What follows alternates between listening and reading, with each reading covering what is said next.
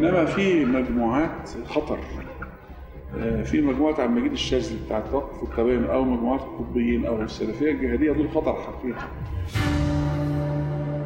واحد بيحلف بيقول قعدنا نمتحن الطلبة المتقدمين للازهر بقول له أنت حافظ إيه يا ابني من القرآن؟ الطلبة بتوع الثانوية اللي رايحين الكليات بتاعت الأزهر. أنت حافظ إيه من القرآن يا ابني؟ قال له سوره التحيات. سوره التحيات هي التحيات بقت سوره يا حبيبي. ها؟ قطاع السلفية العقيدة السلفية في بنيتها عقيدة بسيطة. لا تبغي تعقيد دايما تؤكد على التسليم وعلى النص وعدم إعمال العقل. قول لي بتحلق لحيتك ليه؟ أنت لسه خايف من أمن الدولة؟ ما عادش فيه خلاص. الله لا يعيدهم. يستمتعون ويتماهون تماما مع فكرة المظلومية تماما مع فكرة المؤامرة. السلفية الشعبية بين قوسين. هو مصطلح استخدم خيرة الشاطر نائب المرشد لجماعة الإخوان في إحدى التسريبات اللي عرضها مسلسل الاختيار ثلاثة القرار. في معرض حديثه عن القيادي السلفي حازم صلاح أبو إسماعيل. وهذا المصطلح أو الوصف غير واضح. ولا نعلم إذا كان مختص في داخل الإسلاميين أنفسهم. كما لم تشمل مدارس أو تيارات السلفية المعاصرة بحسب تصنيفات فقهاء الحقل السلفي لمدارسه واتجاهاته وتياراته. فهناك السلفية العلمية الدعوية والسلفية الإصلاحية والسلفية الحركية السياسية والسلفية التكفيرية والسلفية الجهادية. وهذه ليست جماعة ذات إطار فكري وأيديولوجي موحد لكنها تيارات مختلفة. لكل منها شيوخها وأيديولوجيته ولا يوجد تنظيم هرمي موحد يضم جميع التيارات السلفية في القطر الواحد. عند البحث عن هذا الوصف أو التعبير لم أجد من يشارك خيرة الشاطر في استخدامه غير الكاتب عزمي بشارة في كتابه ما السلفية فهل كان استخدام الشاطر لهذا التعبير تهمة من الإخوان المقصود بها الإزدراء؟ وتعبيره عن صراع مفاده من يعبر عن الإسلاميين والفروق بينهم؟ أو مهاجمة من الكاتب عزمي بشارة القومي اليساري الذي تبنى المقاربة الإخوانية ضد السلفيين ولكن بلغة علمانية؟ أم أنه وصف واقعي ومتداول في المجتمع المصري وبين المختصين في دراسة الجماعات الإسلامية وإن كان ذلك صحيح فما معنى كلمة شعبية؟ هل هي تعني استخدام وعاظ وخطباء التيار السلفي اللهجة العامية والنكت؟ أو أنهم ينشطون في الأحياء الشعبية؟ وهنا ماذا تعني شعبية؟ هل هي العشوائيات أو الأحياء القديمة؟ أم الأحياء المكتظة بالسكان حتى وإن كانت منظمة؟ وبهذا المعيار ما هو الفرق بين قطب إخواني مثل عبد الحميد كشك أو شيخ داعية يعتبر مستقلا مثل الشعراوي أو خطيب وواعظ سلفي مشهور أو مطلوب لدى الطبقات الشعبية مثل محمد يعقوب ومحمد حسان. مما يقودنا ذلك إلى القول أن الخطباء الشعبيين توزعوا إلى أكثر من تيار فدعاة شعبيين يتبعون الإخوان وهناك المحسوبين على السلفيين وهناك على الصوفية. وهل الطبقات الشعبية هي العامة أم أن العامة أشمل؟ فقد يوجد في العامة غني وقد يوجد فقير مثقف. حديثنا اليوم عن السلفية الشعبية ليس على سبيل التبني لهذا المصطلح، بل لجعله مفتاحا للنقاش، خاصة أن الرجل الحديدي للإخوان جاء على ذكره. ولنبحث أكثر في معيار الشعبية في ذلك. إن كان المقصود اللهجة أو الأفكار التي تناقش، أو المكان الذي تلقى فيه الخطبة أو أن هناك معايير أخرى. وهل كانت جماعة الإخوان محصورة في الطبقة الراقية والطبقة الوسطى؟ ولم تكن تستهدف الطبقة الدنيا.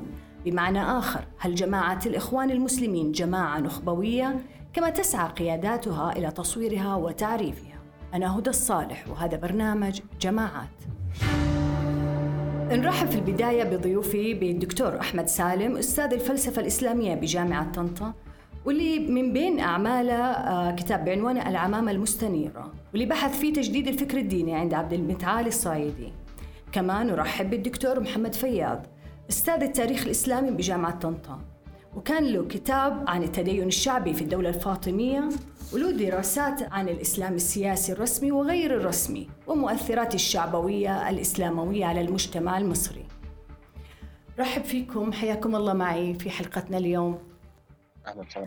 أه، أبغى أبدأ سؤالي دكتور أحمد وأسألك إحنا بحاجة أن نفحص هذا المصطلح أو هذا الوصف السلفية الشعبية. فإيش تعني كلمة شعبية في هذا السياق؟ وأنا في البداية آه، واجد ان المصطلح جديد على مسامعي وكأني بسمعه لأول مرة ليه؟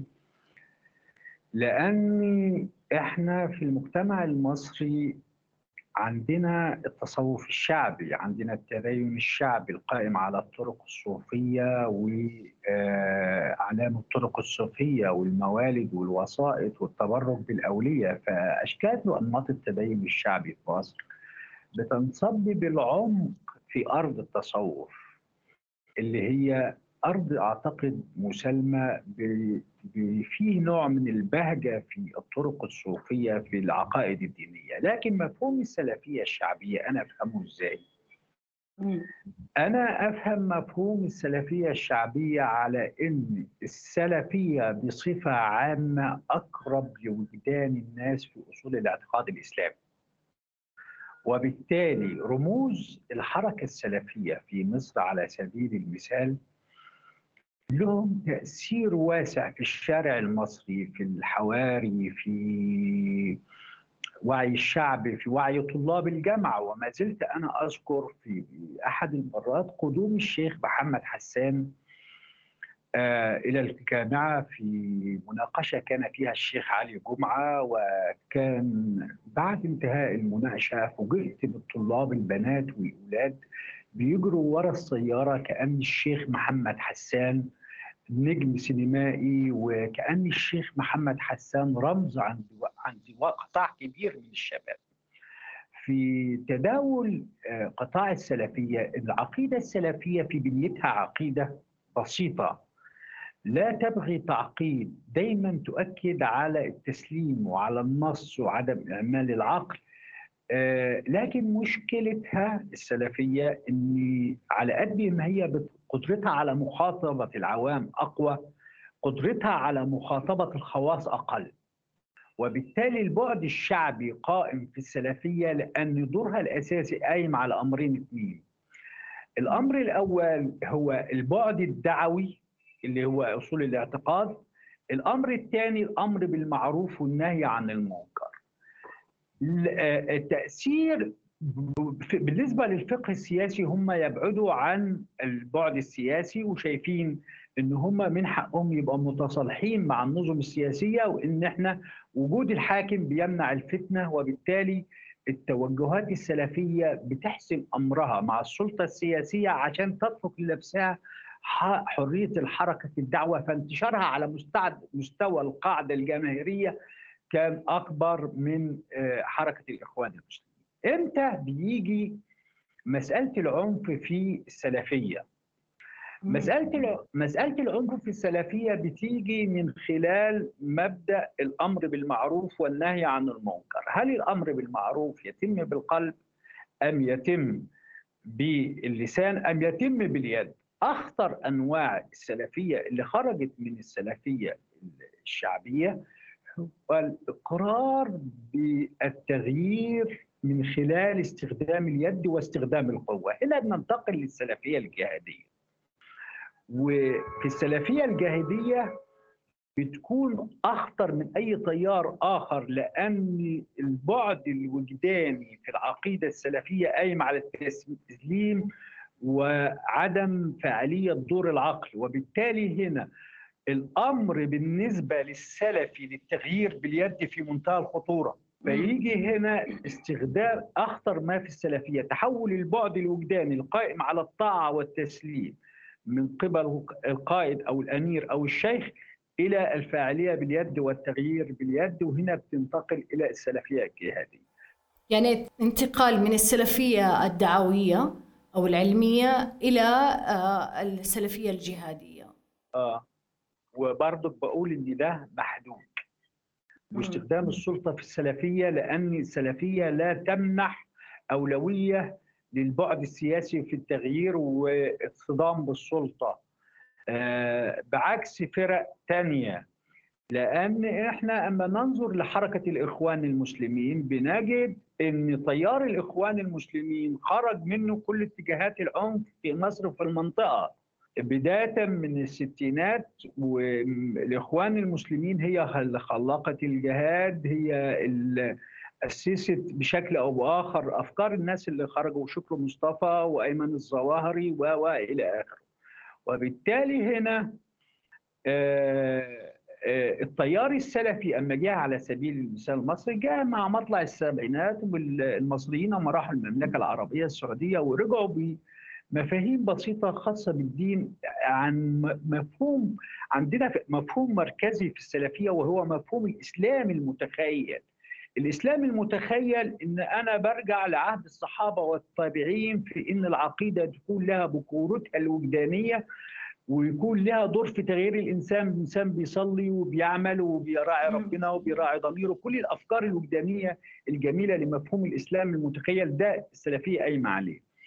هنا التيار السلفي تخلقه داخل المجتمع المصري ما خرجش من عباءه الإخوان المسلمين. ده خرج بنبت معين في ظروف معينة وهي الاحتكاك ب آه منبع أصول الاعتقاد السلفي في المملكة اللي كان بيشكل حزام المملكة وتوحد الجماعة المسلمة في المملكة العربية وهو اتنقل إلينا. ومشكلته الأساسية في الاتجاه ده ودي مشكلة خطيرة إن أنا عايز أحكم أحكم النصوص في واقع المجتمع المتطور. يعني إيه؟ يعني أنا بقيم كل حاجة في المجتمع بالنصوص القديمة ما فيش تطور واضح بين علاقة الأطر التجريدية في الخطاب السلفي. الخطاب السلفي خطاب أحيانا بيجمد النظر لحركة الاجتماع. على سبيل المثال الملك عبد العزيز آل سعود في الثلاثينات بيحكي شكيب أرسلان في كتابه لماذا تأخر المسلمون وتقدم غيرهم بيقول إن جاب الراديو دخل المملكة العربية السعودية فالمشايخ قالوا بدعة وصاروا ضده فجه شغل لهم القرآن فيه فاستحسنوا استحسنوا ان الراديو بي بينطق بالقرآن. وبالتالي هنا أزمة السلفية في جمودها لأني أنا دلوقتي عندي مجتمع قايم على اقتصاديات عالمية وقايم على أحكام جديدة وقايم على تطور جديد. أنا مش ممكن أحكم أحكام الإمام أحمد بن حنبل الفقهية أو أحكام ابن تيمية الفقهية تتحكم في مسار حركة التاريخ في القرن الواحد والعشرين. لدي قضايا كثيره أستاذ أحمد اسمح لي معلش أعتذر عن مقاطعتك. أبغى بس شوي نرجع لفكرة المصطلح الشعبية. وإن شاء الله بنكمل نقاش في أكثر في في الإطار اللي حضرتك تفضلت وحكيت فيه. أبغى بس أشوف رأي الدكتور محمد في موضوع مصطلح أو عبارة السلفية الشعبية. إذا كان هناك سلفية شعبية فما هي السلفية غير الشعبية؟ ومتى نطلق هذا العبارة؟ في البداية يعني بشكر حضرتك شكرا جزيلا على جهودك في إعادة في تفكيك فكر الجماعات التكفيرية والعناصر التكفيرية من خلال البرنامج المهم.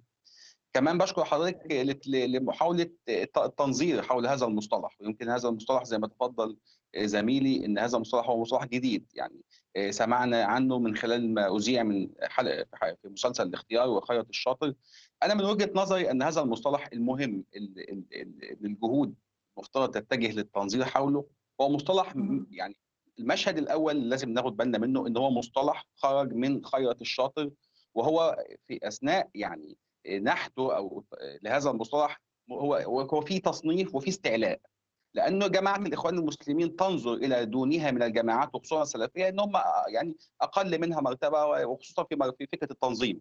التنظيم عند جماعة الإخوان المسلمين هم يعتقدوا أن هذا التنظيم لا يمكن أن يقارن بأي تنظيم آخر. فاذا المصطلح هو مصطلح من خيرة الشاطر به تصنيف لفئة أو لعناصر وجماعات حتى لغة الجسد بتاعت خيرة الشاطر وهو بيتكلم عن هذا المصطلح بيقول كام 100000 100000 هنا و100000 يعني عدة مئات من الألوف دول اللي مع حازم وح... فاذا هو بيتكلم بمنطق بلغة جسده وطريقته في التعبير عن هذه العناصر بها استعلاء ولكن لأول مرة. يعني هجدني مضطر إن أنا أتفق مع هذا الرجل يعني في حين أنا عمري ما, ما ينفعش أتفق معاه إن بالفعل هذه السلفية هي بالفعل سلفية شعبية بمعنى لو حضرتك حابة تنقل التعريف النظري ده لتعريف إجرائي وأقول لك ما تيجي نشوف نتفرج مع بعض هم فين العناصر. العناصر دول هم العناصر اللي مورس عليها عبر سنوات طويلة عمليات تشويه منظم تشويه ذهني وتشويه فكري منظم. الجماعة العناصر دي اللي حضرتك ممكن تجديها بوضوح في جمعة قندهار العناصر دي اللي حضرتك ممكن تجديها بوضوح اللي احتشدوا واللي اللي, اللي نتيجة آراء مشايخهم طلعوا جري لما قالوا إن الجنة قالت للصناديق نعم. العناصر دي هي اللي قالوا إن نعم في وقت الاستفتاء الإخواني إن نعم في في الجنة ولا في النار. العناصر دول هم اللي كانوا محتشدين في جنازة عمر عبد الرحمن بشكل كبير جدا. العناصر دول اللي كانوا ممثلين منهم قيادات في بيان 3 7 البيان اللي كان الناتج عن ثوره 30 6 ولكن كان أتباعها أتباعهم موجودين في اعتصام رابعة بيستمعوا إلى البيان جنبا إلى جنب مع الإخوان. العناصر دول اللي, اللي عملوا توكيلات بمئات الألوف لحازم صلاح أبو إسماعيل وحملوا التوكيلات في الصناديق وكأنهم وكأنه في مشهد يعني مشهد وكأنها زفة إسلامية مقدسة لحتى يدركوا اللحظة الفارقه يعني شعار حازم أبو إسماعيل ادركوا اللحظة الفارقه فهي العناصر السلفية الشعبية هي أيضا اللي كانت موجودة في حصار مدينة الإنتاج الإعلامي. هذه العناصر هي عناصر أو فصائل جاهزة للانفجار في أي وقت. لو بس اتقال لهم إن إن إن العلمانيين قادمون أو إن خلاص هيتم المساس بالمادة الثانية من الدستور أو أي شيء هيبقى فيه شعور بالخطر على الدين الإسلامي من وجهة نظرهم من وجهة نظرهم هم.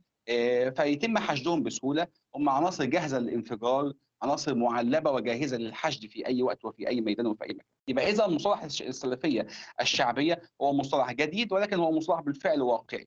هذه العناصر مورس عليها عمليات اختراق عبر سنوات طويلة جدا جدا جدا. وأنا ده المشهد الأول اللي إحنا ممكن هو فكرة شرعية هذا المصطلح.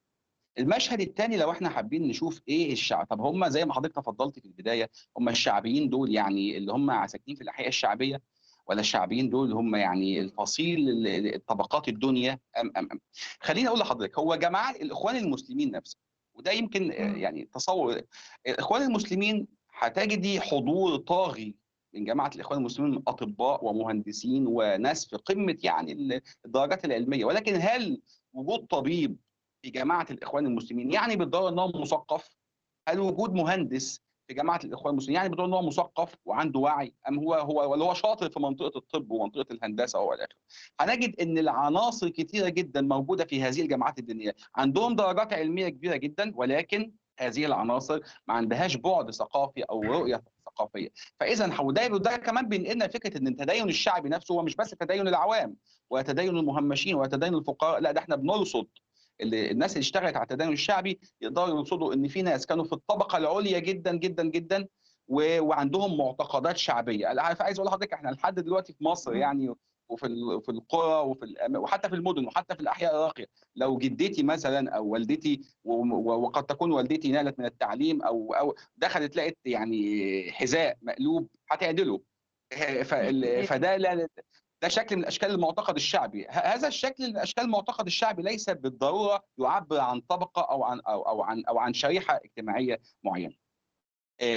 العناصر الشعبية إيش معيار معيار دكتور معيار الشعبية؟ هل هو اللهجة؟ هل هو الأفكار نفسها؟ آم المحيط الجغرافي؟ ده بي ده بيرجعنا لفكرة المصطلح الشعبي أو مصطلح العوام. من خلال كتب التراث وفي التاريخ الإسلامي. ده خلينا يخليني أقرب لنفس لغة الاستعلاء اللي مارسها خيرت الشاطر وهو بيتكلم عن الكام مئة ألف هنا والكام مئة ألف هنا. خليني أقول لحضرتك إن المصادر الإسلامية والنصوص في الكتب التاريخ الإسلامي مارست يعني المهمشين أو العوام أو الطبقات الشعبية مورس عليها مشكلتين. المشكلة الأولانية استعلاء النص في الكتابة عن هذه العناصر أنهم أتباع كل ناعق وأن هم همج وأن هم الغوغاء وأن هم اللصوص وأن هم الزعر والحرافيش والعداف الكلام ده في الفترات التاريخية في العصور الوسطى. ومورس عليهم مشكلة أخرى لما كان حتى بيتم التغافل عن ذكرهم. وعشان كده المصادر التاريخية اللي هي عندها بعد اجتماعي فقط هي اللي بدأت تنتبه لهذه العناصر الشعبية. يبقى اذا ده بعد من أبعاد الرؤية لهذه العناصر. البعد الثاني إن بعض العوام يعني خليني أقول لحضرتك إن أنا مثلا اشتغلت عن دراسة عن التدين الشعبي الشيعي كان كان بداية فكرتي في الدراسة دي إن واحد من أثرياء بغداد في الدولة العباسية عمل خناقة كبيرة جدا جدا جدا مع واحد سني وبيقول له كيف تنكر حق علي بن أبي طالب؟ وتقول إن معاوية خالد تقول إن معاوية خالد المؤمنين إزاي راجل أنت وتنكر حق علي بن أبي طالب أخو الرسول وابن السيدة فاطمة؟ هو شيعي؟ ومن أثرياء بغداد وبيعتقد وهو متشيع لفكرته حتى النخاع وبيقول إن علي بن أبي طالب أخو الرسول وابن السيدة فاطمة والإمام علي بن أبي طالب هو ليس أخو الرسول. يبقى هو ما عندوش حتى ابجديات هذه الفكرة. هذه العناصر تتحمس أشد الحماس لفكرة وتتحمس وغارقة. في في في لحظة تاريخية معينة. عندها عقده تجميد التاريخ. هتبص تلاقيهم واقفين عند لحظة تاريخية معينة. يستمتعون ويتماهون تماما مع فكرة المظلوميه تماما مع فكرة المؤامرة تماما مع فكرة الخطر. حتى لو الخطر ده مش موجود استحضار عدو وهمي. كل هذه المعايير هي معايير أقدر تبقى معايير حاكمة لفكرة الشعبية في هذا المنطلق وخصوصا لما هذه العناصر الشعبية مش بس شعبية في في الطبقة أو في الشريحة الشعبيه في الفكر وفي الضحالة الفكرية وفي الضبابية الثقافية. هذه العناصر لما بتتبنى موقف ايديولوجي أو بتتبنى فكره أو بتتبنى موقف سياسي أو بتتحزب لفصيل أو بتتحزب لشخصية تاريخية بتبقى هذه الكارثة وبتبقى دي الطامه يعني تعتمد العاطفه الانفعال العاطفي أكثر شيء. انفعال عاطفي ماضوي سطحي قشوري تدين قشري القشور ممارسات فقط بعيد تماما عن لب الدين ولب العقيدة وبيبقى أشد يعني إيه؟ خليني أقول لحضرتك بالمصطلح الحديث وكأنه الألتراس أو الألتراس الموجودين اللي بيشجعهم بشكل متطرف بعض الألعاب ده ده ده ممكن نقدر نوصفهم فهي دي كمان ممكن نقدر نوصف ده بالعناصر التدين الشعبي وتحديدا السلفية الشعبية. ويمكن أنا عايز أقول لحضرتك إن حتى تشبيهنا بالألتراس إن الألتراس نفسهم كمان في وقت من بعد أحداث 25 يناير لحد فترات تالية كثيرة جدا إن الألتراس كان فيهم دخول وكان فيهم وجود حاضر حضور طاغي للعن... لل... لل... يعني الأفراد وعناصر الإسلام السياسي سواء جماعات أفراد من جماعة الإخوان المسلمين أو من السلفيين.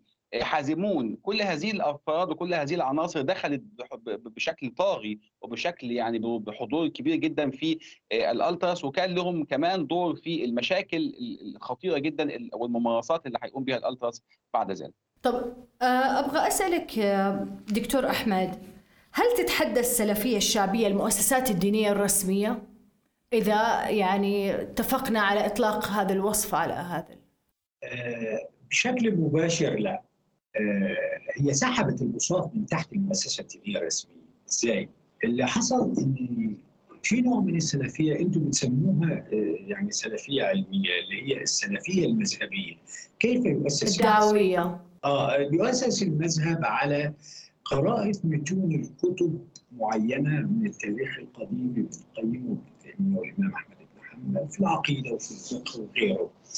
والتأسيس بيتم على مستوى نخبة الرأس في المذهب السلفي اللي هم أما بيتعلموا المذهب على إيد مشايخهم الكبار وبيتعلموا علوم الحديث على إيد مشايخهم الكبار بيتنقلوا من مجال التعلم إلى مجال الدعوة. مجال الدعوة هو الوسط ما بين البعد الأكاديمي العلمي والبعد الشعبي. بينزل للمستوى الشعبي بيخاطب الناس بلغتهم بي يوجه الناس إلى آخره بس في مشكلة كبيرة تتخلق في المسألة، إيه هي طبيعة المشكلة الكبيرة؟ إن السلفية الدعوية أو العلمية أو المذهبيه اما بتدرس الكتب القديمة بتدرس الكتب القديمة بحالتها.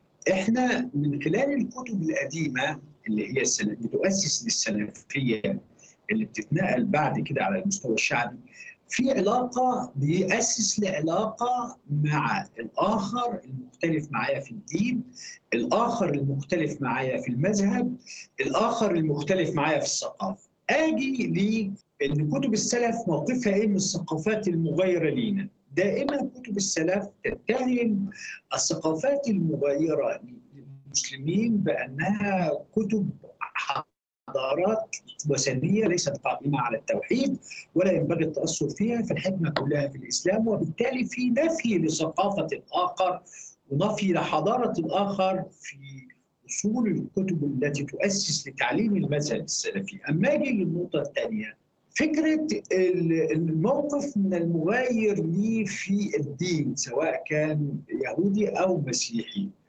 هنا بنلاقي تكفير المغاير لي في الدين سواء كان يهودي أو كان مسيحي أو كان صابئي سواء كانوا أصحاب أديان كتابية أو أصحاب أديان آه وثنية. وبالتالي هنا يؤسس المذهب السلفي من الرأس حتى القاعدة لنفي الآخر المغاير لي في الدين.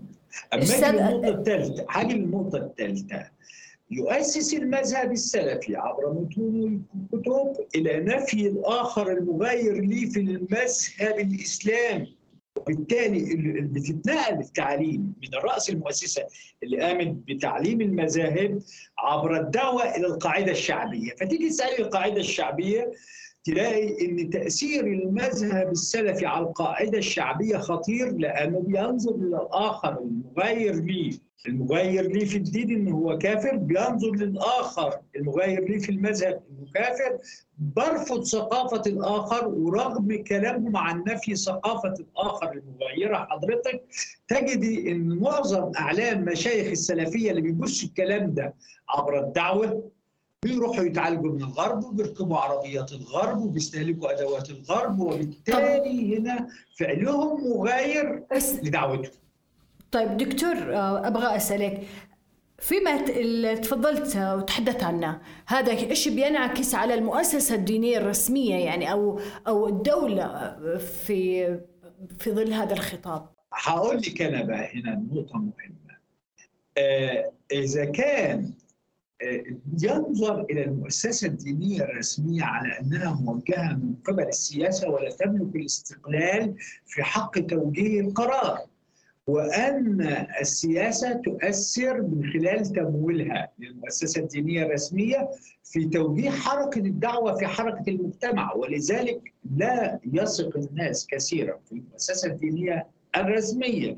بدليل إن أنا في بعض الوقائع في المجتمع المصري عندي أمراض اجتماعية، الأمراض الاجتماعية ديت من تفكك الأسرة وأشياء كثيرة تستلزم تشريعات. المؤسسة الدينية المؤسسة السياسية حريصة على تماسك بنية المجتمع. وان أنا اللحظة الاجتماعية لازم تكون متماسكة.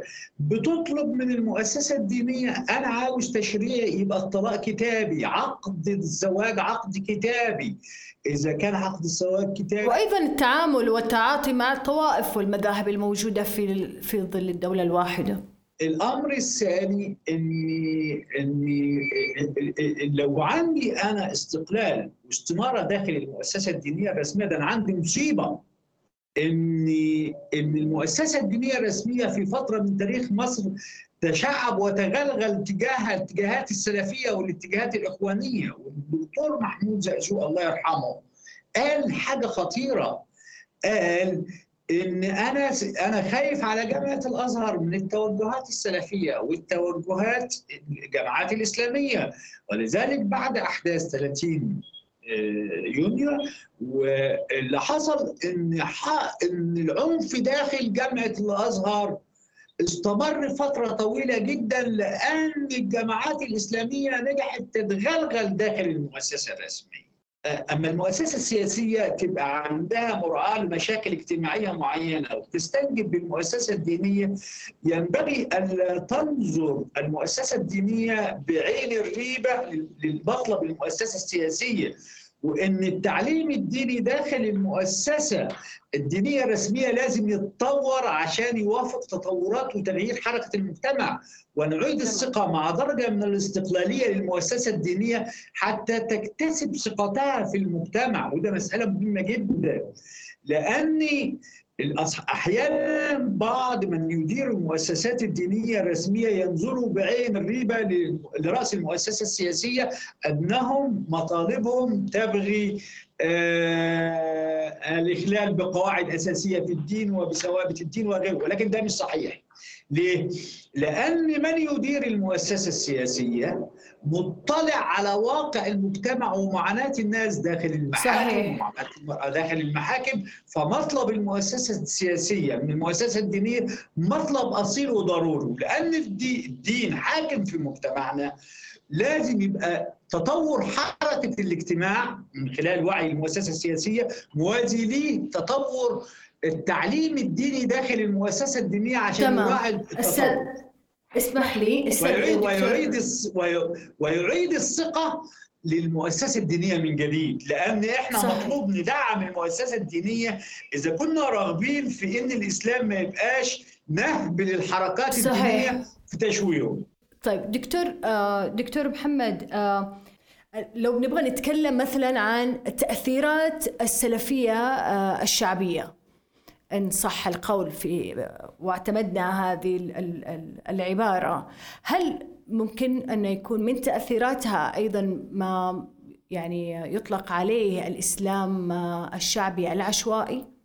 هل هناك هل تتفق أساس بالأساس مع هذه أتفق مع حضرتك. وإذا كنا اليوم في معرض يعني لنحت مصطلحات أو التنظير حول مصطلحات جديدة فبالطبيعي إن إحنا كمان هنتكلم عن فكرة الإسلام العشوائي الناتج عن هذه الجموع أو ما يمكن تسميته بالسلفية الشعبية كما تفضلت. في الحقيقة أنا يمكن قبل ما أدخل في النقطة دي بشكل واضح خليني أحكي لحضرتك تجربة شخصية أنا مريت بيها يعني أنا في مكان في مكاني في اسكندرية بالصدفة البحتة أنا يعني على بعد خطوات قليلة من بيت الشيخ ياسر برهامي وهو من هو في الدعوة السلفية في اسكندرية وفي عموم الدعوة السلفية في مصر عند أتباعه يعني.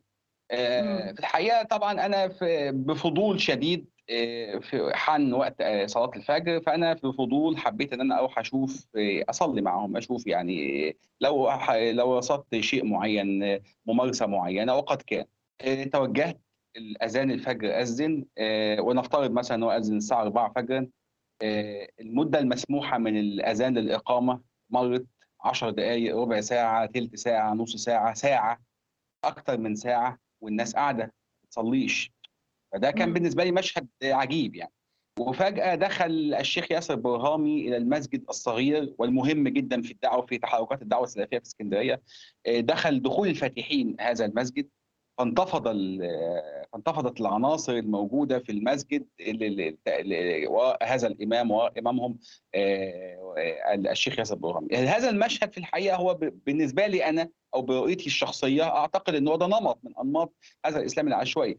وان وإن كل شيء موكول إلى إلى هذا الشخص اللي هم كلهم بيلتفوا أو إذا جاز التعبير بيتشيعوا ليه خلينا أقول لحضرتك كمان إن نفس هذا الم... ان ان إن عناصر السلفية الشعبية السؤال غائب عندها أو المساءلة لعناصرها غايبه عندها بشكل كبير الشعبية.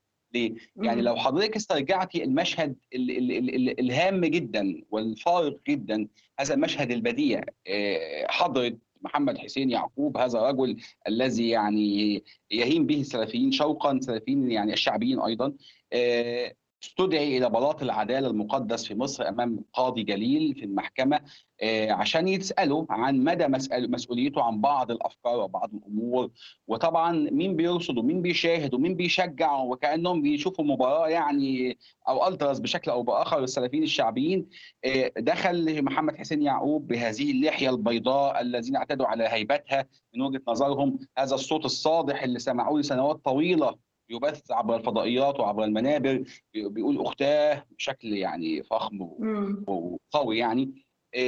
دراويشه بينتظرون عبر الشاشات عشان يستمعوا لهذه الكلمات اللي اعتادوا عليها كلمات الحق والنضال رافعا رايه الدين ويتعلم منه الجميع من حكمته الجهاد وحلم الخلافة وعقاب الممتنع عن ما هو معلوم من الدين بالضرورة ولكن الشيخ بيفاجئ الجميع بنظرية إنجاز يعني تسميتي نظرية فقهية يعني لو كنا ممكن نتجاوز ونسميها نظرية اعمل نفسك ميت. آه،. سين ولا ما أعرفش والله. آه، سين لا مش أنا. آه، لا سين ما حصلش. اذا لو أنا هنا بتكلم على عناصر عندها وعي عناصر غير السلفيه الشعبية كان هيبقى السؤال والمساءلة أنت فين؟ أنت إيه اللي أنت عملته؟ ده فين اللي أنت بقى لسنوات طويلة جدا بتقول. ونفس هذا المشهد تكرر مع محمد حسان قال له أنا أنا لا عالم ولا رجل دين أنا رجل يعني بسترزق وخلاص. آه، ده ده دي دي لقطة مهمة جدا. وخليني أقول لحضرتك إن إن هؤلاء الأفراد بهذه الشهادة في المحكمة لا ده إحنا قدامنا ده إحنا عندنا مشكلة كبيرة جدا من سنوات طويلة طويلة طويلة يعني من من عام 2000 تحديدا بيتم ممارسة تشويه على العقل الجامعي المصري. وخليني أحكي لحضرتك على تجربة شخصية آه، أنا شفتها في الدلتا في دلتا مصر إن في هذه الفترة ظهر ظهر نمط من أنماط القرصنة الفضائية يا فندم هو اسمه الدش المركزي الدش المركزي ده كان في آه، الجيوب الشعبية وفي الأماكن الشعبية الناس اللي ما كانش عندهم قدرة إن هم يعني يشتركوا في هذه الفترة يعني كان الأمور دي كانت صعبة وغالية القنوات الفضائية وإلى آخره. فبقى في زي دايرة تلفزيونية مغلقة اسمها الدش المركزي أو بالمصطلح المصطلح الشعبي كانوا بيسموه السلكه السلكه دي واصله كده بتدخل كل بيت وده زي ما قلت لحضرتك قرصنه فضائيه وكان فيها قنوات الأفلام وقنوات المصارعة وقنوات و و والى آخره وفيها قنوات دينية كان كان قناة الناس على سبيل المثال لأن بعد كده هو حي- هو قعد سنوات طويلة فيها وبعد كده بيأسس قناة خاصة بيه. آه، قناة الناس كان عنوانها أو العنوان الموجود في كل فاصل شاشة تأخذك إلى الجنة. دخل المصريين. البسطاء غرفهم وبيوتهم وقفلوا على نفسهم عشان يتابعوا هذه الشاشة اللي هتأخذهم للجنة. وبعد شهور بسيطة خرج الناس اللي دخلوا ببساطة دخلوا وهم بيسمعوا أغاني أم كلثوم وبيسمعوا الأغاني وبي- وبيستمتعوا بالحياة دخلوا خرجوا من بقى من البيوت دي آه، ملتحين منقبين بدأوا يسألوا أسئلة مختلفة بدأوا ينشغلوا بعذاب القبر بدأوا ينشغلوا بالثعبان الأقرع بدأوا يش- ينشغلوا بصورة غريبة عن الله عز وجل ال- المحبة والتسامح والرحمة بدأ يتكون لديهم صورة أخرى عن إله آخر. بدأ ده ينعكس بشكل أو بآخر على أسئلة المصريين كمان. لأن بنجد بعد كده إن المصريين بيسألوا أسئلة ما كانتش موجودة ابدا عبر تاريخهم. هل يجوز تهنئة القبطي في العيد؟ ده ما كانش موجود. طب ده ظهر منين؟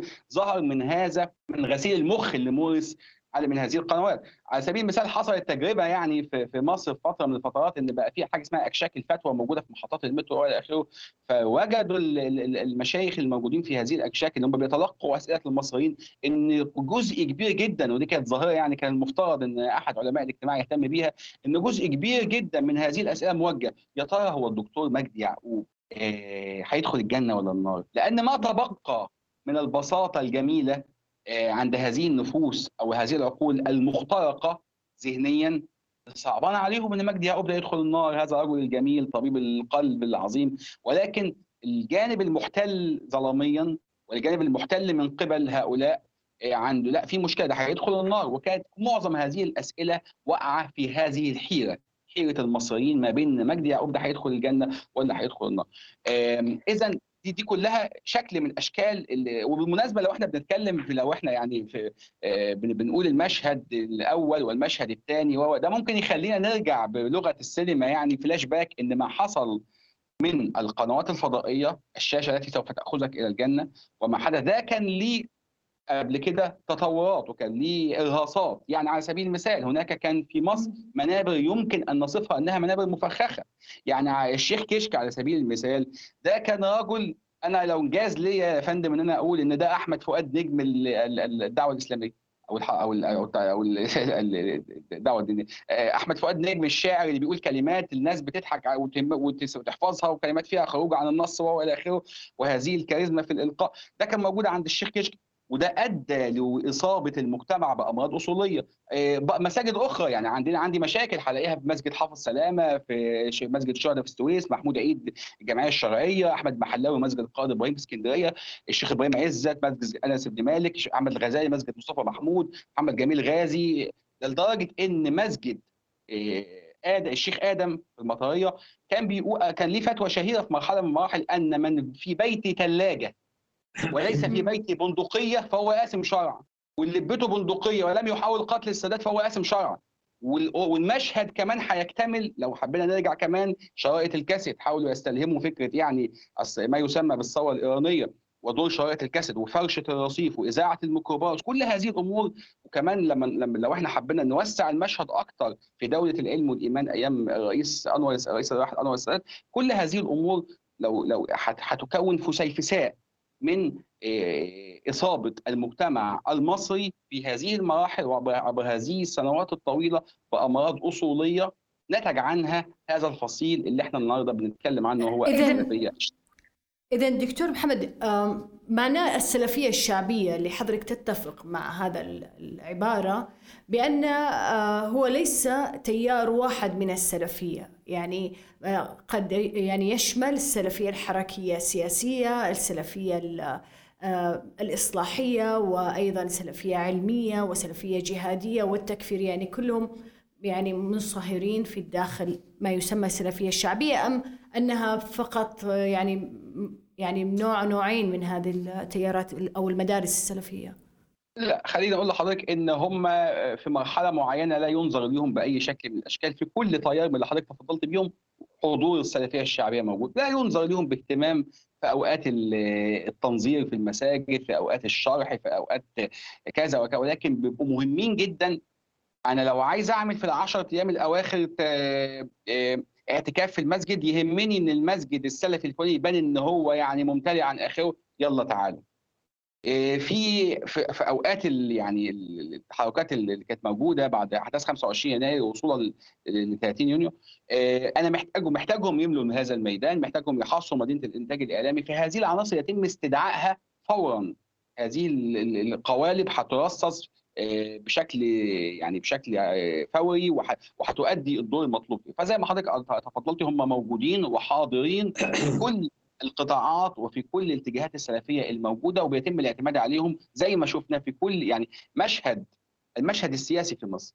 بعد آه، 25 يناير ل 30 6 ده آه، يعني كانوا حاضرين بامتياز في كل الاتجاهات وكل التصنيفات السلفية. اللي حضرتك طب دكتور آه، أحمد أبغى أسألك مثلا الحين بالنسبة لل آه، في السلفية هناك اقتصاديات آه، يعني متوازية. طبعا مثلها مثل باقي ال- التيارات الدينية والمدارس الدينية مثل ال- كالح- كالحجاب والنقاب والكتاب الإسلامي والكتاتيب آه، الحفلات الترفيهية الإسلامية اللي بتكون وفق نمطهم ونظامهم حفلات الزواج طقوسهم نعم الطهور والعقيقة آه، ختان موضوع مثلا قضية ختان الفتيات. آه، مثل هذه ال ال يعني القضايا والطقوس اللي حاولت أن تركز عليها التيارات السلفية هل ممكن هذه الأفكار وهذه يعني نقول الأفكار هي اللي أسبغت هذا الوصف على يعني ب- بتركيزها على الطقوس أكثر من النص. أنا أنا الأول يعني عايز اخش بالعمق في قضية وهي إن ده حضرتك بتتكلمي على إسلام عشوائي وبتتكلمي على سلفية شعبية وعلى علاقة الإخوان بالسلفية. إحنا عايزين نسأل سؤال مهم أعمق. آه، من اصطنع من اصطنع هذا الواقع للحركات الدينية العنيفة داخل المجتمعات هو هذا السؤال السؤال يعني يبغى له يمكن عشر حلقات دكتور. بس إن إحنا إحنا في حلقتنا نبغى نحرر مصطلحات آه. حرري المصطلحات هتكلم على حضرتك قلتيه ده إن. كل جماعة بتخلق لنفسها هويتها هويتها الخاصة. واهتماماتها ورموزها وأشخاصها كل ده بيكون آه، بيديهم طابع مشترك. يعني هم ما بيتكلموا على الختان أو الحجاب أو أو أو إلى آخره. ده مشترك عام على فكرة مش بين السلفية بس من كل الحركات الدينية وحتى المؤسسة الدينية. لكن هم بيحاولوا السلفية بالذات دون عن غيرهم بيحاولوا يقتضوا بفترة الإسلام المتخيل دون عن كل حاجة. الرسول كان بيستخدم المسواك استخدم المسواك. الرسول كان بيرتدي الجلابية بشكل معين ارتدي الجلابية بشكل معين. الرسول كان بيعمل كذا الصحابة كانوا بيعملوا كذا. حاجة خارج التاريخ يعني التصور خارج التاريخ. وبياخدوا من الرموز دي على إنها بتشكل هوية الجماعة. هويه الجماعة. فأنا انتقلت هنا بالعمق من التركيز على الطقس على الطقس. دون التركيز على العبادة وده اللي عملته السلفية للأسف الشديد. العمق بالإيمان أن توجه السلفية أو أو أصحاب المعتقد الديني الإيمان يكون متجه إلى الدنيا وليس متجه إلى الآخرة، الإيمان لدى السلفية متجه إلى الآخرة. لتغييب عقل الإنسان وتغييب واقع الإنسان وتغييب مشاكل الإنسان القضية متجهه للجنه والنار، لا أنا عاوز الإسلام يكون متجه لواقع الاجتماع، أنا عاوز أنهض، عايز أتقدم، عايز أغير، عايز أقيم عدل، عاوز أرتقي بالإنسان المسلم، أخليه قوي في التعليم والصحة وإلى آخره، وبالتالي هم هنا بيغيبوا واقع مشاكل المجتمع على حساب إن هم بيروجوا لل- للجنة والنار. وبالتالي هنا البعد الغيبي بيسود دي حاجة. الحاجة الثانية ان إحنا ما بنتكلمش على القيم الأخلاقية يعني اتجاه الإسلام الطقوسي اللي هو يعني كارثة في حد ذاته لأنه ما بيركزش على آه، باطن العقيدة ويركز فقط على ظاهر العقيدة. الأمر الثاني ان الاتجاه السلفي بيغيب في القيم الأخلاقية القيم الدنيوية التي اهتم بها الإسلام على حساب القيم الأخروية. وبالتالي هنا كل ده بيؤدي لتخلف المجتمع. اللي انت اللي إحنا بنقوله ده ان ان أنا مجتمع عاوز ينهض عاوز يتقدم عاوز يغير عاوز يحرر نفسه من العوز عاوز يبقى له قيمة في العالم. مجتمع عاوز المسلم قوي عاوز المسلم حاضر. لا أنا بغيب ده كله وخاصة في المناطق العربية اللي هي فيها آه، ال- الأمية منتشرة أكتر. وده على فكرة حضرتك دايما أرض المناطق اللي فيها اميه هي أرض مناطق انتشار انتشار ال- الاتجاه السلفي. وإن الاتجاه السلفي النخبة العالمة فيه مش كبيرة قوي. يعني لما تيجي تشوفي رموز السلفية شهاداتهم مش آه، مش شهادات متخصصة. ما فيش نخبة في الاتجاه السلفي عالية زي اتجاهات جماعة الإخوان المسلمين. وهنا إحنا بتكلم إيه انت بتكلميني على الرموز والطقوس لأن كل كل اتجاه بيصنع هويته الخاصة التي تغير صحيح. الاتجاه الآخر بالهوية والرموز. والطقوس والأشخاص دكتور آه، دكتور محمد آه يعني أنا لو اتفضل. لو حضرتك تسمحي لي يعني اتفضل. يعني أك- آخد من كلام حضرتك ومن كلام آه، الدكتور أحمد سالم آه،. فيما يتعلق بقصة الطقوس أنا عايز أخدها من ملمح تاني يعني أنا أتخ... أنا بتخيل وأنا بستمع لحضراتكم دلوقتي إن أنا بعمل مونتاج ل... ل... ل... ل... لهذه اللقطة تحديدا فهعمل على يمين الشاشة حفلة لأم كلثوم الكاميرا بتيجي على الصالة فيها جمهور مصري حقيقي آه، ناس بتستمتع بالحياة وبتستمع لأغاني أم كلثوم وواحد بي- بيت- بي- بيتغنى ويقول عظمة على عظمة يا ست. وعلى شمال الشاشة هحط صورة مثلا ميدان في جمعة قندهار. هي الرحله ما بين الشاشة دي للشاشة دي خدت قد إيه وعم وإيه اللي حصل فيه قضية الطقوس الجميلة والمهمة اللي حضرتك أثرتيها هي مش قضية طقوس أنا مش هقف عند الطقوس أنا بتكلم عن حيوية المجتمع المصري. هذه الحيوية المهمة جدا. هي بالمناسبة كانت هي السلاح الأهم اللي وقف ضد مشروع الإسلام السياسي في مصر وأجهض مشروع الإسلام السياسي في مصر. لو لم يكن المصريين عندهم هذه الحيوية الجميلة وحب البهجة وحب والفرح والاستمتاع بالحياة ما كانش هيقدر المشروع ما كانش حي... ما كان- ما كانش هيحصل هزيمة لمشروع الإسلام السياسي. يعني لما تجد حضرتك مثلا إن محمد مرسي بيعمل حظر تجوال في مدن القناة ففي نفس اليوم وفي نفس الساعة الشخصية المصرية البديعة تعمل دوري الحظر الناس تنزل تعمل دوري كرة قدم في الحظر التجوال ويلعبوا كوره ويسمى دوري هذه برد كرد فعل ساخر على هذه القرارات إن إحنا خلاص أسقطناك وأسقطناك بالسخرية. زي ما كنا بنعمل في العصر الفاطمي وزي ما كنا بنعمل. معارضة لسانية في العصر المملوكي وزي ما إحنا عملنا كمان ضدك ده. يبقى اذا ده دي حيوية مجتمع. هنا بقى العناصر السلفيه الشعبية كانت ميالة لفكرة ثقافة الموت. الناس اللي عندها مش هتسأل على البهجة ولا الفرح هتسأل على عذاب القبر هتسأل على هذه الأمور. ويبقى معنى كده إن هي بتحاول تموت هذا الزخم في المجتمع. خليني أقول لحضرتك حاجة مهمة جدا إن وزي ما النقطة المهمة اللي حضرتك أثرتيها فكرة ال- ال- ال- الافراح يعني الاحتفالات الخاصة بيهم. هم عندهم نمط. دشنوا نمط جديد اسمه الفرح الإسلامي. الآلة الم- الموسيقية الوحيدة المستعملة هي في الدف يفصل النساء على طبعا ده ممكن يكون موجود في مجتمعات أخرى وله كل الاحترام. ولكن المجتمع المصري ما كانش دي طبيعة الفرح فيه. لا ده إحنا لو هندرس تاريخ مصر الاجتماعي كله لا الأمور كانت مختلفة تماما تماما تماما. فيفصل السيدات عن الرجال الدف فقط والرجال وهو إلى آخره ويقعد وألعاب سمر بيخص على كده من ضمن الحاجات الاسلاميه اللي كانوا بيعملوها يعني السلفيين المتدينين يعني كانوا بيمارسوا قرصنة على الألحان كلها الأغاني. أي أغنية مشهورة. يجيبوها يشيلوا الكلمات وبنفس اللحن ويحطوها فيها كلمات إيه؟ إسلامية. كل هذه الأمور هي بت- بتحاكم ما قام به آه، عناصر قيادات هؤلاء السلفيين واللي نتج عنه ال- ال- القطيع اللي إحنا بنتكلم عنه النهارده وكلمة قطيع بالمناسبة هو يعني هو ما يعني ما هوش سب ولا حاجة ده جوستاف ليبون في سيكولوجية الجماهير اتكلم عن هذا الجمهور بشكل واضح جدا هذا القطيع اللي بيغيب عنه الوعي بيغيب عنه اتخاذ القرار بيذوب في هذه الجماعة بيشعر أنه يعني مهدد بالانقراض إذا خرج من هذه الدائرة آه، فيعني بينتج عنه هذه العناصر السلفية طب الشعبيه أستاذ آه، دكتور أبغى أسألك دكتور محمد إذا إحنا مثلا حضرتك تفضلت هذا مثلا إن هذا الإطار أو هذه ال ال ال الطريقة للسلفية الشعبية ما هي آه، السلفية الغير شعبية؟ لو أنا بشوفها يعني أو بقول لفلان مثلا لا امشي بشكل السلفية غير شعبية. هل نقدر نشوفها نلمحها؟ لا نلمحها بشكل واضح جدا في إيه؟ كل تيارات الإسلام السياسي هي تيارات ما في في دوائر معينة بيعتقدوا إن في أفراد معينة هي النخبة.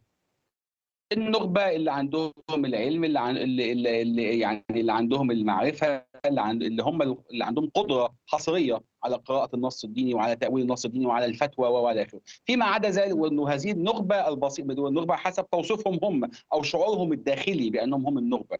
هذه النخبة فيما عدا ذلك هم هذه العناصر اللي هنتكلم عنها. اللي أنا بحشده في الميادين وبجمعه وبحركه بسرعة هذه العناصر اللي جاهزة بسرعة لل- للانفجار اللي جاهزة للحشد في أي وقت اللي بمجرد ما, ما, فقط يعني أدوس على بعض ال ال الأمور عنده زي هنقر ده إلحق ده هيقربوا من المادة الثانية من الدستور إلحق ده هيبقى فيه صفور في المجتمع. ده أنا قريت كتاب يا فندم آه، كان في مركز اسمه مركز أسس للدراسات والبحوث وده مركز الدعوة السلفية كان عامل كتاب مهم جدا اسمه آه، اسمه يعني موقف الدعوة السلفية من الثورة المصرية. وقفت عند جملة خطيرة جدا. هم بيقولوا إحنا ما كناش موقفين يعني بنميل للمظاهرات وإن إحنا مع كذا وإن إحنا آه، قلنا إن ده ممكن ينتج عنه فساد. ولكن الجملة الوحيدة الخطيرة اللي أنا وقفت قصادها قال ولكن السلفيين لم يكونوا ليقبلوا ابدا بشعارات مثل يحيى الهلال مع الصليب والدين لله والوطن للجميع وهذه الأمور. الجملة الفارقة دي تقدر تخليني ففجأة وجهت الدعوة إلى هذه العناصر. وجهت يلا جاهزين فورا. من وجه الدعوة لمن؟ الذي وجه الدعوة هو خارج فكرة الشعبية ومن استجاب سريعا وحشد وامتلأت به الميادين هم آه، آه، عناصر السلفية الشعبيه طب كيف بتكون مواجهة؟ وهذا سؤالي لكم آه، الشخص يعني لو بإيجاز علشان يعني يمكن تجاوزنا الوقت كيف بنواجه دعاة الإسلام الشعبي العشوائي في في مش يعني مش بالضروري فقط في مصر. إحنا بنشاهد آم، آه، دعاة آه، الفضائيات أو حتى الجوامع الصغيرة والمساجد الصغيرة اللي تكون في المناطق الريفية البعيدة عن المراقبة. فكيف نقدر نسيطر أو كيف الدولة تقدر أنها يعني يصير في ضبط للمشهد الديني؟ الحقيقة العلاج الأول في مواجهة أي تيار فكري متطرف هو الوعي. الوعي. وإعادة الوعي مرة أخرى ويعني وعدم يعني أنا أنا أنا أنا ببدأ أرصد في بعض الأحيان إن يبقى مفكر أو مثقف يكتب فيلم يكتب مسلسل يتكلم عن أي فكرة مجرد اجتهاد. وتجديد الخطاب الديني اللي إحنا لكن لكن دكتور دكتور محمد معلش إحنا بنتكلم في الوقت اللي كان في مسلسل لأمل فاتن حربي وكان في أفكار لتجديد الفكر آه، الديني في المجتمعات. يعني حتى القضية اللي تناقش في موضوع الأحوال الشخصية لا تتعلق فقط في مصر في كل الدول العربية لديها نفس الإشكال ونفس المعاناة. وشفنا إحنا كيف امتعاض أو تحفظ المؤسسة الدينية أو الأزهر فيما يتعلق ببعض ما طرح في آه هذا المسلسل واعتبرته انه انتقاص من آه المؤسسة الدينية. فايش رأيك دكتور أحمد؟ يعني يعني إحنا ممكن بهذا الشكل يرجع يرسخ فكره التدين.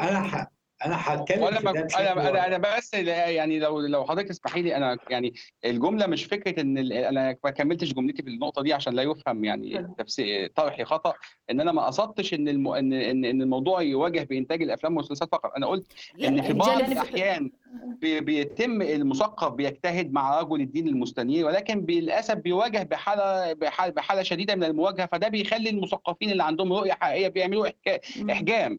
وبيبقى عندهم خوف إن هم يتصدروا المشهد ومحاولة التجديد. يعني ما حدث في المملكة العربية السعودية في الحقيقة نموذج يدرس في في في العالم في في حالة التنوير اللي موجودة في المجتمع وحال وإحنا شفنا الناس كانت إزاي يعني متعطشة للترفيه وكل هذه الأمور العظيمة اللي حدثت في المملكة العربية السعودية اللي هي كانت أصيلة بالمناسبة لأن هم الناس اللي حضروا هذه الفعاليات واحتفوا بيها وفرحوا بيها ما هم الشعب السعودي. فكان أصيلة وكامنة في نفس الناس ولكن عوامل أخرى كانت بتمنحهم. فدي كان يعني كانت وجهة نظر في هذا يعني تمام. دكتور أحمد؟ يبدأ التغيير من المؤسسة السياسية وواقع الاجتماع الذي يفرض التغيير والتجديد. اولا بمواجهة ذلك ينبغي تطوير التعليم الديني جيدا. لمن يوجه مشاعر الناس الدينية ويوجه مشاعر الناس الدينية وفقا لاحتياجاتهم. الحاجة الثانية مؤسسة الدعوة اللي بيصب فيها التعليم الديني لازم تكون علم قرارات متطورة تمزج علوم الإنسان وعلوم التاريخ بالدين بشكل معين وتقدم الرؤية المتطورة إن إزاي الدين يكون دافع للتطور. الحركة اللي بعد كده لا يترك الإعلام مسابا لكل من هب ودب يوجه لأن الإعلام آلة جبارة وفي منتهى الخطورة وبالتالي هنا ترسيم كل شيء يبدأ من المؤسسة السياسية، والمؤسسة السياسية لماذا؟ لأن تاريخ الإسلام يشهد على أن المؤسسة السياسية هي التي كانت ترسم أحوال الدين في المجتمع ورموز الدين في المجتمع وأن الدين لم يملك استقلالية عن المؤسسة السياسية، فالتغيير بدأ في المملكة بعد هذه الفترة من داخل المؤسسة السياسية وليس من داخل المؤسسة الدينية. صحيح. لكن بل إن لكن المؤسسة بل إن أكمل بس. بل إن على الأرض رجال الدين فيهم مقاومين لحركة التغيير داخل المجتمع. الحاجة الثانية إن أنا لازم أعمل حاجة مهمة. إن الدين يكون مؤسس للحياة الروحية للأفراد. ما أوسعش دايرة الدين في حركة الاجتماع يبقى الاجت- الاجتماع بقوانينه وتشريعاته قايم على مفاهيم الحلال والحرام. حركة المجتمع وتنظيمه لازم تاخد البعد المدني لأن كل المؤسسات الحديثة اللي إحنا بنبغي تأسيسها في المجتمع بتشرع بقوانين العقل بل إن هي جاية لنا من بره. وبالتالي هنا صحيح. لازم يبقى عندنا حدود. إيه حدود الدين داخل حركة الاجتماع؟ وايه دور الدولة في إن هي تأطر ده والمؤسسة الدينية توجهها إزاي؟ فأنا أعتقد إن المؤسسة السياسية هي أداة التغيير في كل شيء. ومن اصطنع العشوائية على أرض المجتمعات العربية ومن اصطنع واقع الجماعات الإسلامية هي المؤسسة السياسية والآن. يعني لا المؤسسه دكتور السياسيه دكتور تبحث عن دكتور، واقع هي مارسته أوكي ب ب ب آه، باختصار شديد جدا.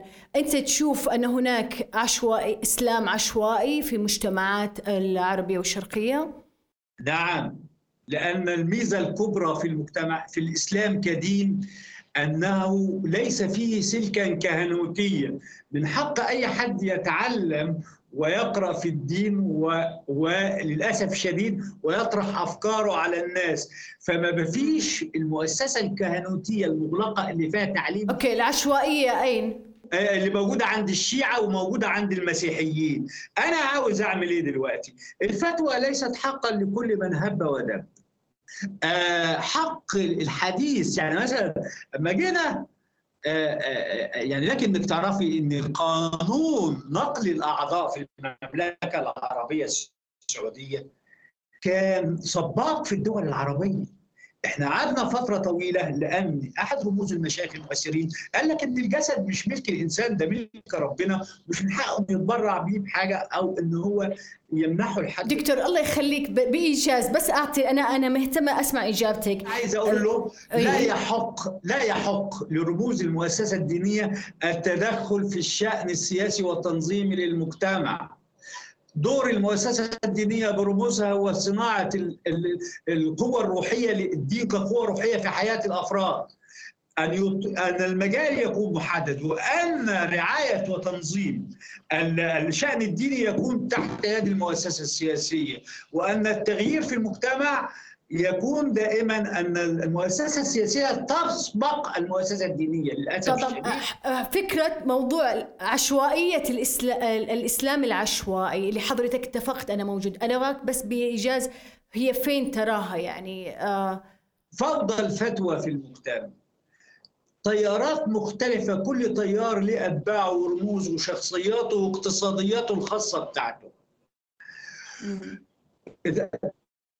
انغماس الدين داخل السياسة إن أنا أطلع أتكلم بتبريرات دينية لأفعال سياسية وممارساتها وبدل ما أبقى جماعة دينية أبقى جماعة دينية وسياسية. وبالتالي هنا فكرة كيف أستمد شرعيتي الجماعات الدينية؟ كيف أستمد الشرعية من الدين ثم أفتح الشرعية للسياسة؟ ده يعني تمام. أعتقد إن الأمور محددة في التغيير دايما تمام. بأولوية السياسي على الديني داخل مؤسسات الدولة العربية. يعطيك العافية دكتور شكرا لكم. اسمحوا لي بس أبغى أختم الله يسلمكم.